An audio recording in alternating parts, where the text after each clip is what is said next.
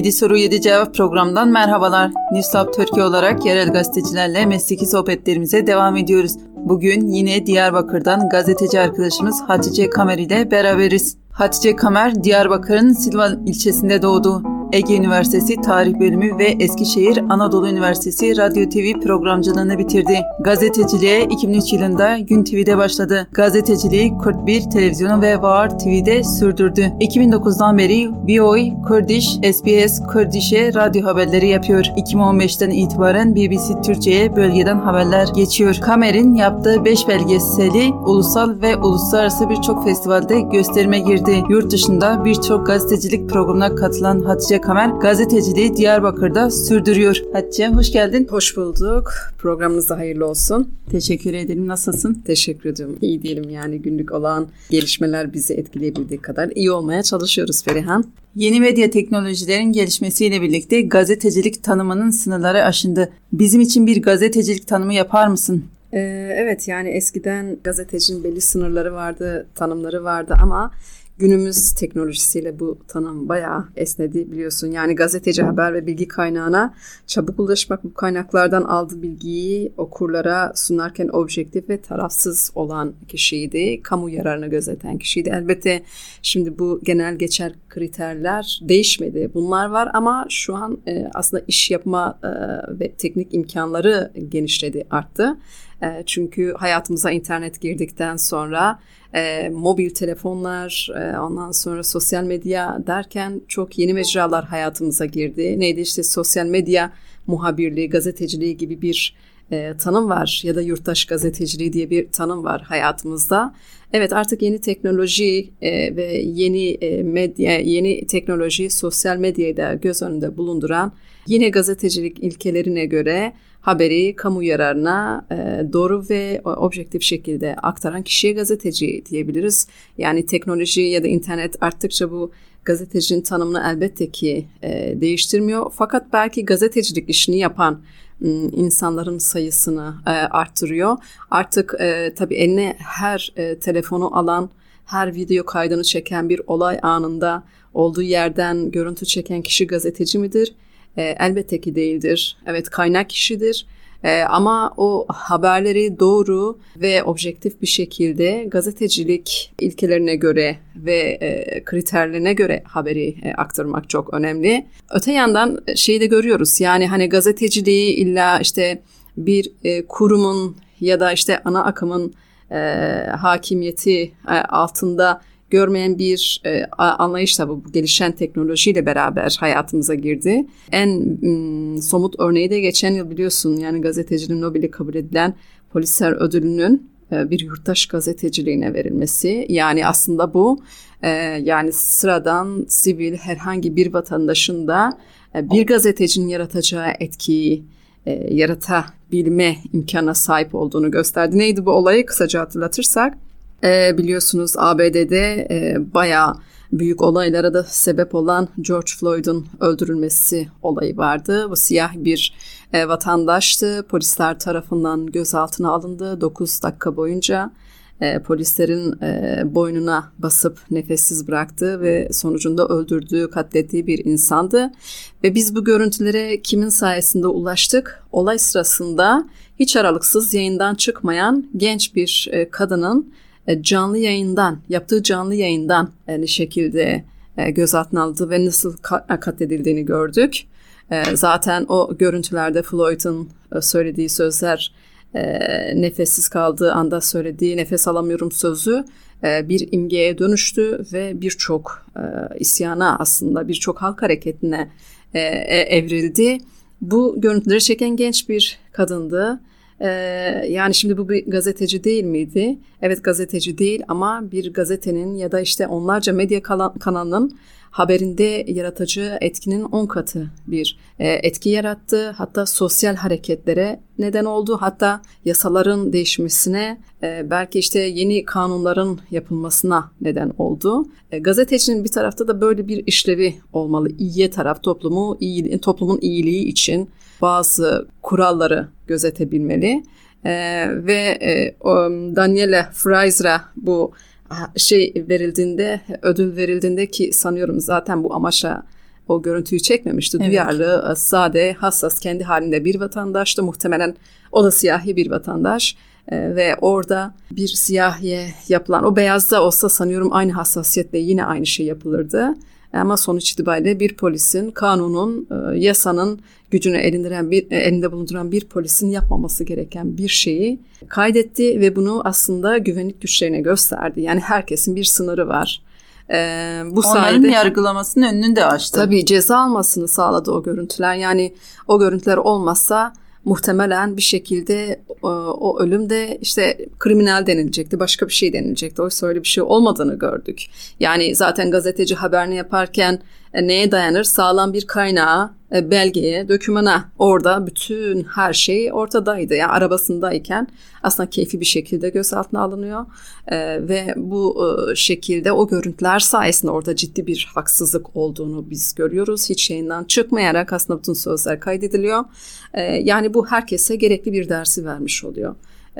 Yani yurttaş gazetecilik de böyle bir şey. Yani günümüzde mesela şu an içinde yaşadığımız ülkeye e, gelirsek şayet biliyorsunuz özellikle son özellikle de darbeden, darbe teşebbüsünden sonra çıkarılan kanun hükmünde kararnamelerle kapatılan birçok televizyon oldu.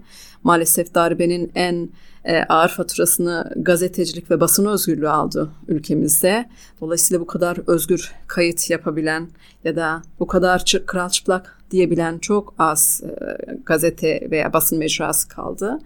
Tabii Türkiye'de bunun da muadili oldu aslında. Mesela Kemal Kurkut olayı vardı. Yani bu Daniela Fraser'ın yaptığı olaydan e, çok da farklı bir şey değildi. Her ne kadar kamera kaydı olmasa bile biz e, orada Diyarbakır Nevros'unda polis tarafından öldürülen işte bir gencin, Nevros'a gelmek isteyen bir gencin polis tarafından hedef gözetilerek öldürüldüğünü yine bir gazetecinin çektiği, Abdurrahman Gök'ün çektiği görüntüler sayesinde öğrendik.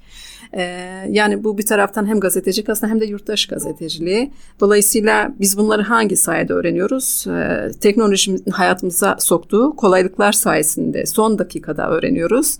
E, o yüzden evet gazetecilik o ilkeleri e, ve e, tanımlarından azade olmayacak şekilde bir de üzerine yeni teknolojik araçları daha seri ve aktif şekilde kullanabilen, kamu yararını gözeterek yapan, e, doğruyu ve e, objektif bilginin e, peşinden ayrılmayan kişilerdir. O yüzden herkes de olabilir. Yani sadece bunu yapabilmek için gazetecilik mezunu olmanıza gerek yok. Hakikaten böyle bir arayışınız ve derdiniz varsa bunu manipüle etmeden doğruyu bir şekilde aktarabilen herkes yani yapabilenler gazetecilik yapabiliyor artık günümüzde. O yüzden biraz tanım esnedi tabii ve kapsamı da genişledi diyebiliriz. Gazeteci olduğunuz için pişmanlık duyduğunuz, meslek değiştirmek istediğiniz bir an oldu mu senin? Eminim bütün gazetecilerde böyle bir şey olmuştur. Zaman zaman yılgınlığa düştüğümüz, zaman zaman kişisel sebeplerden de olabilir elbette ki içinde bulunduğumuz siyasi e, koşullarda olmayabilir, politik sebepler de olmayabilir ama sanıyorum son yıllarda gazetecilerin çoğu ülkenin politik ikliminden kaynaklı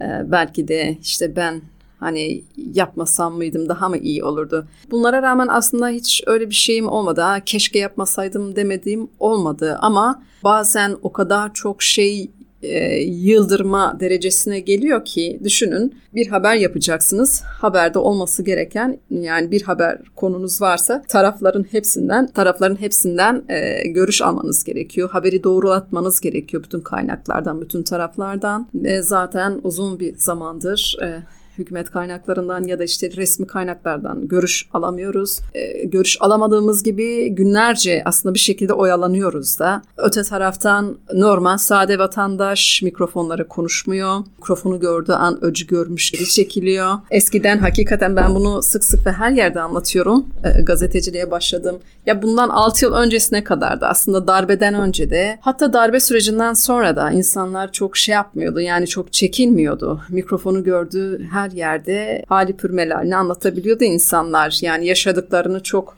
açık bir şekilde ifade etmekten geri durmuyorlardı. Yani emin olun televizyon programı yaptığım dönemlerden de çok iyi hatırlıyorum. İnsanlar çok mikrofon canlısıydı.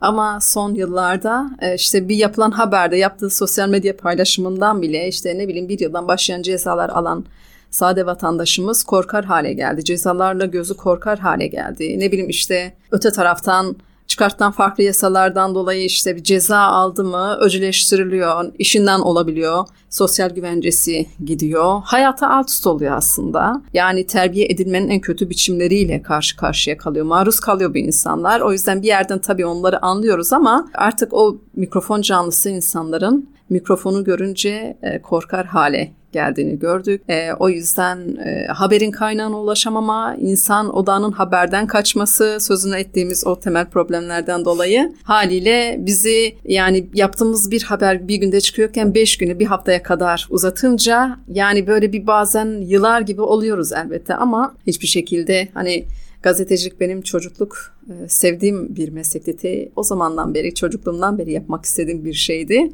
E, fakat hani gazetecilik yapabilmenin imkanları çok daraltılıyor. Çok böyle biz gazetecilik yapamayalım haline getirildik aslında tabiri caizse böyle yazamıyoruz aslında. Yazamıyoruz, yazdırılmıyoruz. O yüzden ne yapıyoruz? Biz de böyle e, enerjimiz düşüyor bazen, modumuz düşüyor ama vazgeçmiyoruz. Yani yoksa bütün imkanlar ana akımın %90'ı hükümete yakın ana akımın elinde toplanmışken o %10'luk küçücük dilimde bir sürü işte toplamın %10'u o %90'lık haberde temsil edilirken %90'ı o %10'luk küçük işte e, internette, sosyal medyada kendini ifade edebileceği alanlarda dile getirmeye çalışıyor. Yani o yüzden şey demiyoruz yani hani görünen değil gerçek neyse e, onu yazmaya ve yazmaya da devam ediyoruz. E, ha yorulmuyor muyuz? Bazen bu tür gereksiz uğraşlardan dolayı yoruluyoruz ama yoksa hani ya ben yapacağım falan olmuyor. Fakat mesela ne oluyor? Bir sürü işte şeyi üzülüyoruz. Yani daha birkaç gün önce Yunanistan'daydım ve ben orada Atina'da bir tane yani bir 30 yıl önce hatta 40 yıl önce buradan giden bir gazeteci ve daha yeni işte 2 ay önce Türkiye'den kaçıp Avrupa'ya gitmeye çalışan yine bir genç gazeteci ile e, görüştüm, karşılaştım. Şunu anladım ki yani 40 yılda geçse demek ki Türkiye'nin aslında basın karnesinde çok da değişen bir şey yok. Yani basına dair maalesef e, kimi zaman bazı şeyler esnese de e, her zaman hükümetler basını, gazetecilik elinde kullanılabilir bir lefsel organ gibi hani görmek istiyor. E, nasıl isterse yön vereceği bir şey olsun istiyor. Hoşuna gitmeyen, istemediği şeyleri söylemeyen bir kitle yaratmak istiyor özellikle basın camiasında. 40 yılda geçse değişen bir şey olmadığını görmek tabii ki demoralize oluyor. Ee, ama yine de bu şu demek değildir. Yani 40 yıl önce kaçmak zorunda kalanlar vardı ve bugün hala gitmek zorunda kalan genç gazeteciler var. Keşke böyle olmazsa ama yani bu gemi hepimizin batarsa hepimiz beraber batarız. E, o yüzden biz e, kamunun işte herkesin doğruyu bilme hakkı olduğuna inanıyoruz ve elimizden geldiğince o doğru bilgiye ulaşıp doğru bir şekilde o kanallar üzerinden insanlara ulaştırmaya çalışmaya devam edeceğiz diyorum. Yani yoksa zaman zaman insan olmaktan kaynaklı moralimiz bozuluyor elbet. Ne yapalım? Bölgenizin çok dilli, çok kültürlü yapısının yapılan yerel haberlerde yansıtabildiğini düşünüyor musun? Şöyle ki iki gün önce Cumhurbaşkanı Batman'daydı. Yaptığım bir haberde şeye denk geldim. Cumhurbaşkanı Erdoğan orada çok şey anlattı. İşte Kürtçenin üzerindeki ana dil, yani Kürtçenin üzerindeki yasakları kaldırdıklarını e, söylüyordu. Elbette ki bunu söyleyebilir, haklı bir gurur da yaşayabilir ki hakikaten hani bazı şeyleri yiğidi öldür, hak, hakkını ver. Birçok şey bu dönemde tanındı. Yani üniversiteydi, işte ne bileyim TRT Şeşli vesaireydi. Evet ama Öte taraftan e, aynı gün işte Cumhurbaşkanı Erdoğan karşılanırken Kürtçe işte Batman'e Batman diye bir tane şarkı var. Kürtlerin çok iyi bildiği e, petrolüyle böyle övünen bir Kürtçe şarkı. Fakat şey diyor Batman'a Kürdaya yani Kürtlerin yaşadığı Batman, Kürt, Kürtlerin Batman deniliyor. Mesela Cumhurbaşkanı Erdoğan'ı karşılarken oranın yerel bir motifi olan bu e, şarkı konulduğunda o Batman'a Kürde ifadesi çıkartılmış diye söylenildi. Yani Cumhurbaşkanı bundan övünürken bu sözün şarkıdan çıkarılıyor olması bile aslında çok ciddi bir ironi. Demek ki bir korkunun sonucunda böyle bir şey yapılıyor. Yani Kürtçe kime göre, neye göre? Galiba Kürtçe ancak TRT'de, TRT Şeş'te ya da TRT Kürdi'de yayınlandığı ölçüde serbest iken başka alanlara serbest olmaması tabii ki ayrı bir çelişki. Fakat ben yaşanan gazetecilere ya da işte o özgür basın ortamının atmosferinin artık ortada şey kalmamış olmasından e, ötürü ben e, o çok renkliliği, çok dilliliği e, basında basında yansıdığını düşünmüyorum. Yani çözüm süreci işte ülkemizin ya da Kürtlerin, Kürt siyasetinin ya da işte Türkiye'nin Rönesansıydı. Yakın dönem Rönesansı diyeyim çünkü çok güzel, çok önemli gelişimler vardı o dönemde. Hatta TRT Şeş'te üniversitelerdeki e, Kürtçe e, bölümlerde aslında bu dönemin birer e, sonucu, birer ürünü. Keşke de devam ediyor olsaydı ve keşke üzerine çok daha zengin şeyler bina ediliyor olsaydı ama maalesef işte siyasi süreçlerden dolayı kesintiye uğradığı için insanlar artık Kürtçeden korkar hale geldi ya da işte Kürde dair olan motiflerden korkar hale geldi. Artık o siyasi kararlarla e, bu çeşitliliğin siyah ve beyaza dönüştürülmek istendiğini görüyoruz ve şahit oluyoruz ne yazık ki. Böyle olunca da bunu ne kadar çok yansıtabiliyoruz? Yani yerel medyaya baktığımız zaman da aslında çok yok. Yani çözüm süreci döneminde birçok yerel gazete Kürtçe yayına başlarken şu an artık onu yapmıyorlar. Eskiden biraz daha özgün haberler yapılabiliyorken yerel medyalar şu an basın ilan kurumlarından reklam alabilmek için artık ayakta kalabilmek, o ekonomik döngüyü sağlayabilmek için e, sadece bülten haberciliği yapıyorlar. Kamu o yüzden bültenlerini. yani kamu bülteni o yüzden çok şeyi göremiyorsunuz. Yani o korkuyu gazetelerdeki e, yayın politikasında da izleyebiliyoruz. Haliyle e, yerellerde özellikle denetime dahil olan basın organlarında o çeşitlilik, o renklilik maalesef yok. Fakat hani yereli biz uluslararası kanallarda yansıtabiliyor muyuz? Evet elimizden geldiğince bunu yapmaya çalışıyoruz. Ee, sonuç itibariyle e, hakikaten hala burada yine bütün içinde yaşadığımız problemli ortama e, rağmen ne yapıyoruz? Gazeteciliğimizi doğru ve ilkeli bir şekilde olduğu gibi yansıtmaya çalışıyoruz. Yaparken de evet kolay oluyor mu? Hayır, zor. Eskisinden misliyle zor yani çok daha zor. Yerel gazetenin okunmadığı gibi bir algı var. Siz okullarınız hakkında ne kadar bilgiye sahipsiniz? Okulunuzu ne kadar tanıyorsunuz? Şimdi ben yerelde, yerelin haberini uluslararası kanallara yapıyorum. Ee, kime yapıyorum? İşte BBC Türkçe'ye yapıyorum. Türkiye'de de yayın yapıyor. İnternet haberciliği yapıyoruz. Ee, sonra kime yapıyorum? Amerikan Sesi'nin Kürtçesine yapıyordum. 10 yılı aşkın zamandır SBS'e yapıyorum. Şimdi e, işte Kürtçe olanlar sadece Kürtlerin takip edi, ettiği kanallar. Yani uluslararası boyutuyla evet işte bir Irak'taki Kürtler de izliyor, takip edebiliyor. İşte ne bileyim İran'daki de öbürü de. Hmm, ama öte taraftan BBC'ye de buradan ben bölgeden özellikle bölgeyle ilgili, bölge,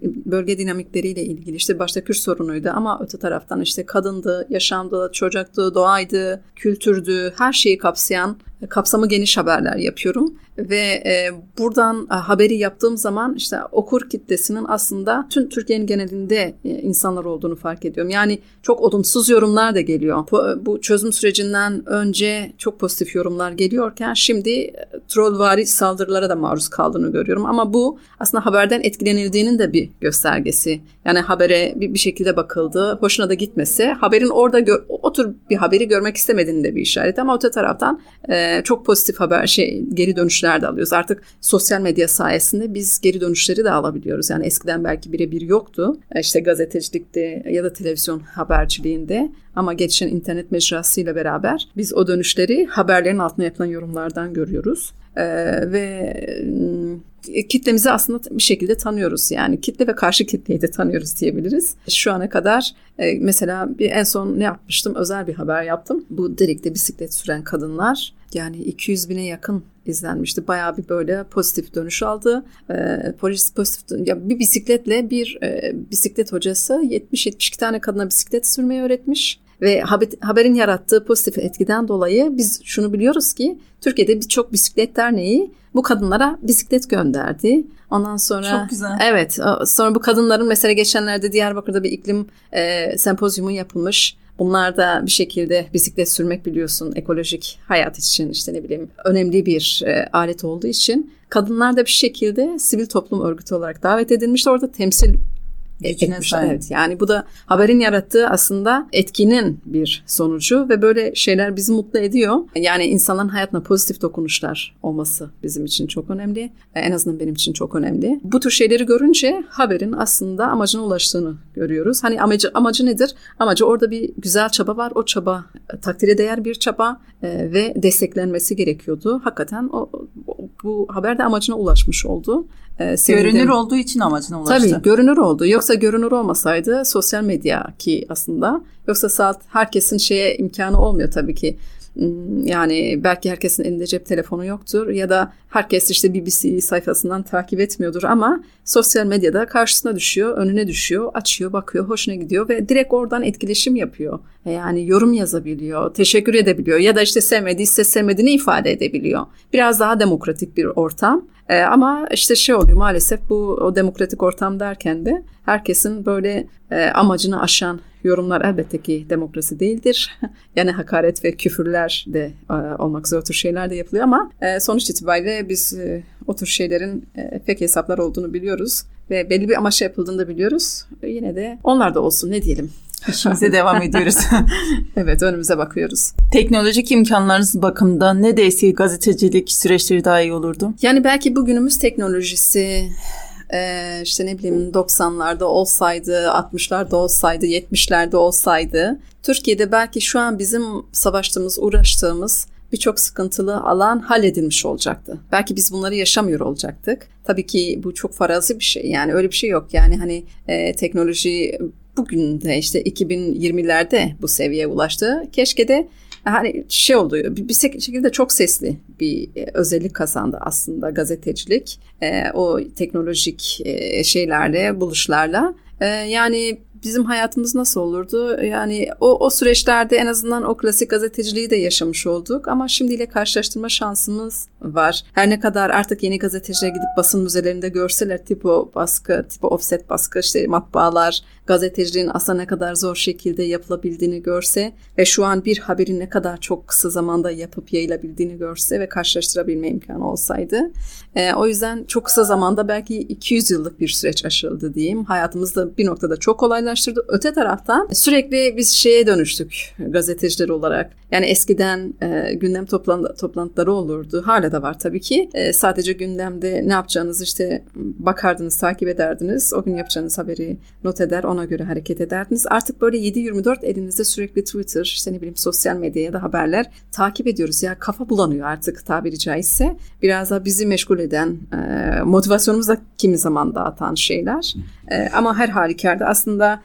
e, sosyal medya, yeni teknolojiler biraz işimizi çok kolaylaştırdı. Öte taraftan bizi hem dağıtıyor hem de iş yükümüzü çok arttırdı. Eskiden işte kameramanı iş disiplini çok daha farklıydı. Kameramanı ayrıydı, montajeri farklıydı. Ama artık yeni teknolojiler e, ne yapıyor? Bir gazeteciye bütün işte beş kişinin yapacağı işi yaptırmaya başlıyor. E, rekabetin çok daha kızıştığı bir alan oluyor. O yüzden siz sürekli kendinizi yenilemek, dinamize etmek zorundasınız. İşte ben eskinin 10 yıl öncesinin iyi gazetecisiyim ama bugün sizden çok daha iyi video çeken, çok iyi anlatı, çok iyi kurguyu bilen insanlar sizin önünüze geçebiliyor. Sosyal medyanın getirmiş olduğu o hızlı parlama e, evresi var. Haliyle e, gazetecilikte de böyle bir şey oluyor ve siz kendinizi sürekli dinamik kılmak zorundasınız. Zamanın ruhu bu. Mesleğin zaman ruhu da bu. Yerel ya da bölgesel bir yayında çalışan bir gazetecinin insan hakları, demokrasi gibi açılardan ulusal basında çalışan biri kadar etkiyi yaratabileceğini düşünüyor musun? Yani aslında şimdi yerel basın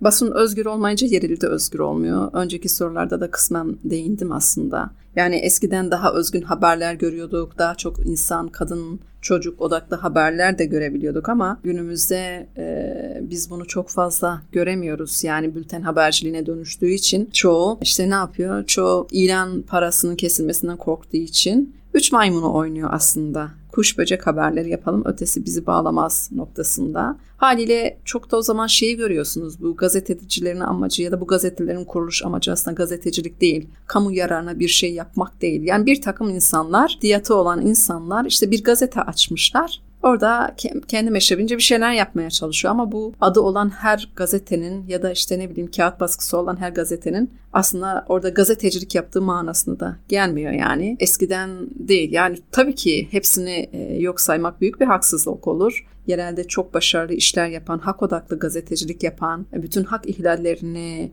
kendi ajandasına alan, takip eden birçok kıymetli yerel basın organları da var. Elbette ki e, onları da takdir ediyoruz. Ama çoğunluğa baktığımızda mesela bakıyorsunuz hepsinde kadın künyesinde kadın var ama kadın haberlerini, kadın sayfasına baktığınızda neyi görüyoruz? Paso kadın cinayet. E, işte bu kadın cinayetlerini önlemeye yönelik ne kadar çok e, bir şey yapabiliyorlar. Hani bir konu etrafında yoğunlaşıp dosya haber yapabiliyorlar ya da kent özgürlüğünde kaç tane e, buna karşı haber yapılabiliyor. Hakeza işte doğaydı, çocuktu, işte e, son zamanlarda LGBT bireylerdi. Kaçı bu kadar cesur davranabiliyor? Maalesef e, görebildiğimiz çok azı. İşte yine internet ortamında birileri bir şeyler yapmaya çalışıyor ama çok yaygınlaşmıyor maalesef. Evet basın önemli bir güç. Yerel çok önemli. Yani şunu görüyoruz mesela Batı Amerika'da birçok yerde 100-150 yıldır belki daha fazla eski yerel gazeteler var. Ve bu yerel gazeteler yerelden ürettikleri e, haberlerle merkeze kadar çok etkili olabilen gazeteler.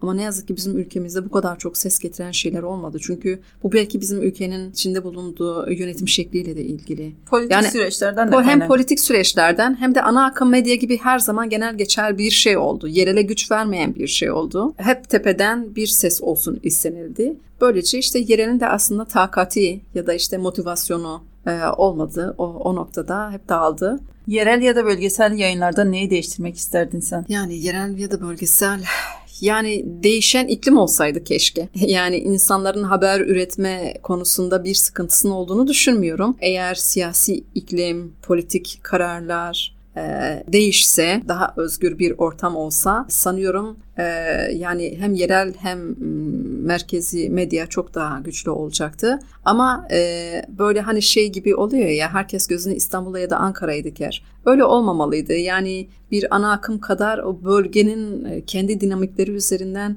hem ekonomik olarak da güçlü olan, işte o bölgenin gençlerini işte İstanbul'a kaçırtmayan, o oradaki haber kanallarına göndermeyen şeyler olmalıydı. İşte gazeteydi, radyoydu, hem teknik bir hem basın de maddi, sektörü olmalıydı. Hem de maddi imkanları sağlayabilecek bir basın sektörü. Evet basın organları olmalıydı, olabilmeliydi. Böylece yani bir insan buradan yaptığı haberi e, haber haberi te işte Ankara'da İstanbul'daki büyük kanallarda da gösterilebilmeliydi. Hani birbirini dengeleyen, birbirini besleyen şeyler olmalıydı. Rakip değil de. Ee, ama maalesef görüyoruz artık böyle her şey rekabet, her şey daha çok tıkalma, daha çok tanınan bir kanala transfer olma. Oysa yerel güçlendikçe aslında e, bu güç aynı şekilde merkezinin de gücünü yani paralel bir balans olacaktı. Yani herhalde benim öyle bir imkanım olsaydı e, öyle merkez değil ama bütün yerelin de güçlü olduğu bir yani yerelden güçlenen bir basın. Bu olurken de şeyler de çok önemli. Yani hani haberi yapacağınız e, e, o e, bakış açısı da çok önemli. Yani o, o demokratik anlayış, o hak odakçı habercilik, e, o ötekileştirmeyen dil, e, basın etiği, basın ahlakı, basın ilkeleri bütün bunlar çok önemli ve bunları içselleştiren gazetecilerin olması ve yaygınlaşması çok önemli. ne güzel olurdu. Olur inşallah diyelim. inşallah diyelim. bir yerel bir gazetecinin bir günü nasıl geçer? Sabah güne nasıl başlıyorsun? Nasıl hazırlanıyorsun o güne? Evet. Ee, yani yerel gazeteci, yani bir gazetecinin aslında hani ben sabah kalktığımda e, telefon eskiden öyle değildi tabii ki ya böyle aman gidelim telefonumuza bakalım ne düşüyor ya da sosyal medya bu kadar hayatımıza yatağımıza girmiyordu. Başucumuzda ya ondan yatıp ondan kalkıyor hale geliyoruz. Telefonu Allah'tan sessize alıyor. Mesela gece tık bir ses geliyor bildirim hadi bakalım ne var. O son dakika haberi. Tabii gece kalkıp çok haber yazdığım da olmuştur. Ee, yani düzenimiz, günlük rutinimiz alt üst oluyor. Ee, ama e, sabah erken işte şey yaparım, ana akımdı, muhalif medyaydı, e, günün öne çıkan başlıkları nelerdi, bu öne çıkan başlıklarda ben neyi özelleştirebilirim ya da işte bölgede neler oldu, ben bunu nasıl e, şey, ulusal bir mesele açısından ya da bakış açısından ele alabilirim. Ee, onun üzerinden biraz kafa yoruyoruz. Bazen çok şey oluyor. Bazen günde 10 tane şey çıkıyor. Bugün mesela sabah gözümüzü açtık. Yine operasyonlar, yine gözaltılar, öte taraftan farklı şeyler. Hareketli bir bölge. Gereğinden fazla hareketli diyelim. Hakikaten çok fazla. Yani burası da Diyarbakır'da özellikle bir Ankara kadar işte bir İstanbul kadar habercilik açısından önemli bir şey. Özellikle işte bölgenin e, Kürt olması, Kürt e, insanlardan oluşuyor olması, burada yaşıyor olmaları, işte farklı bir dilde politik ve işte siyasi e, damarın sürekli e, çok e, güçlü olması burayı çok daha önemli bir şehir kılıyor aslında. O yüzden yani hakikaten her güne yeni bir haberle uyanıyoruz. Tempomuz ister istemez hızlanıyor. Mod hiç düşmüyor o noktada. Keşke böyle operasyonla, baskınla değil de güzel şeyler yapsaydık. Artık şeyi özledim ben ya. Eskiden ne güzel kültür sanat haberleri de yapardık. Şimdi o kadar çok sık hak ihlali. Yaptığımız her haber aslında artık hak ihlali. Neredeyse hak ihlali haber kaydı tutuyoruz yani. Bir gazeteci e, böyle olmamalı. Salt hak ihlali haberi yapmamalı yani. Keşke de öyle olmasa. E, ama işte ne bileyim Eskiden böyle festivaller olurdu. Tiyatrolar, festivaller, tiyatrolar sinemalar. olurdu. Evet söyleşiler olurdu, renkli görüntüler olurdu. Yani 6-7 e, yıldır tadı kaçtı her şeyin maalesef. Çok böyle siyah beyaz haberler artık yapar hale geldik. E, böyle yani bizim hayatımızda buna dönüştü maalesef. Birçok renk soldu diyelim yani. Günlük rutinin peşinden koşuyoruz biz de. Peki bugün bizimle beraber olduğun için teşekkür ediyorum. İyi ki bizimleydin. Ben de teşekkür ediyorum. Programınızın da önü ve yolu açık olsun. Farklı şeylerden yerel gazetecilerle konuştuğumuz 7 soru 7 cevabın bu bölümün sonuna geldik. Farklı şehir ve ekollerden gazetecileri dinlemeye devam edeceğiz. Soru ve yorumlarınızı Newstop Türkiye sosyal ağ hesapları üzerinden bizlere iletebilirsiniz. Dinlediğiniz için teşekkür ederiz.